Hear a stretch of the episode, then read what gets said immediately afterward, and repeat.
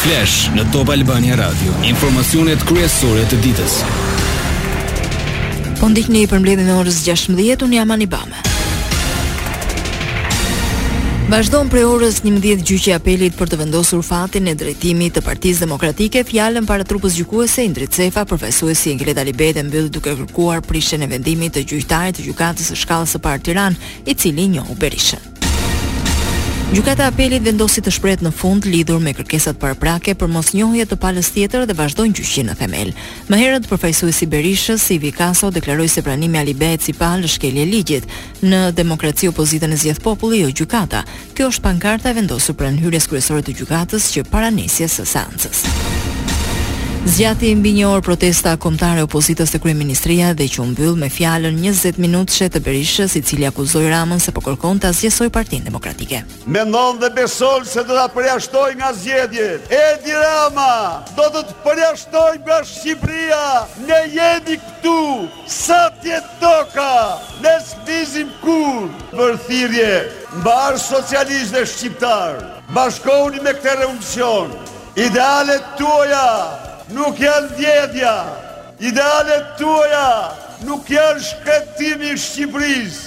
Idealet tuaja nuk janë shkatërrim i vendit. Bashkohuni me ne ta shpëtojmë Shqipërinë. Revolucioni Nuk është i Sali Berishës, po është i çdo shqiptari që e don Shqipërinë. Teksa i drejtohej zyrës Berisha shmangu çdo koment për atë që po ndodh sot në apel duke rikujtuar se nuk ka ndërmend të bëjë asnjë diskutim paraprak për gjykatën.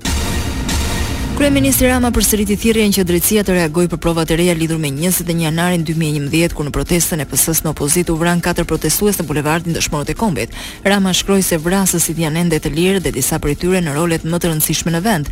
Sipas tij, SPAK-u duhet ta kishte nisur punën nga kjo ngjarje shumë e rëndë, që e cilëson gur i përgjakur i themeleve të shembura të demokracisë, por në fund shprehet se asnjëherë nuk është vonë për drejtësi. Gjykata e Lartë rrëzoi kërkesën e Fatos Kesë, ish oficer i Gardës së Republikës në grupin që shoqëronte Berishën, i përmendur nga Hilmi Deda, vëllai i Hekuran Dedës, i cili u vra në protestën e 21 janarit 2011, Si personi që u shkoi në familje për t'u blerë heshtjen me para pas vrasjes, Fatos Keja bëri padi në Gjykatën e Tiranës. Ai kërkoi përgënjeshtrimin e dëmshpërblimin dy milionë lekë. Gjykata i dha të drejtë, por Apeli rrëzoi vendimin dhe tani edhe Gjykata e Lartë la në fuqi vendimin e Apelit. Lajmet në internet në adresën www.topalbaniaradio.com. Në Greqi vijojnë kërkimet në vendin ku ndodhi aksidenti tragjik hekurudhor i 28 shkurtit pranë Larisës. Operacioni në terren është përqendruar në vagonin e tretë të trenit të pasagjerëve që u përplas me të mallrave, ashtu si dy të parët u dogj plotësisht. Numri i viktimave ka arritur në 57 dhe të zhdukurve në 56, mes të humburve ka shqiptarë.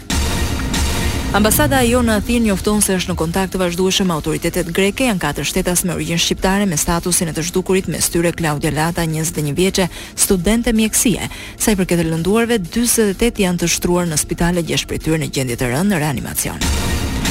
Në grupin e atyre që morën dëmtime nga aksidenti në Greqi janë shqiptarët Roberto Dristi, njëzet e pesë vjeç dhe Anisa Ljuri, njëzet e tre, të cilët po trajtohen në repartin e mjekimit intensiv ndërsa shtatë shtetas po me nënshtetësi shqiptare që rezultojnë të lënduar raportohet se janë jashtë rrezikut për jetën. Në morg vazhdon transferimi i trupave të karbonizuar.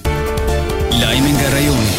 Sulm me bombë në kryeqytetin e Malit të Zi një person humbi jetën dhe pesë u lënduan nga shpërthimi në ndërtesën e gjykatës themelore në Podgoricë. Një 39 vjeçar nga Podgorica gjeti vdekjen pasi aktivizoi mjetin shpërthyes.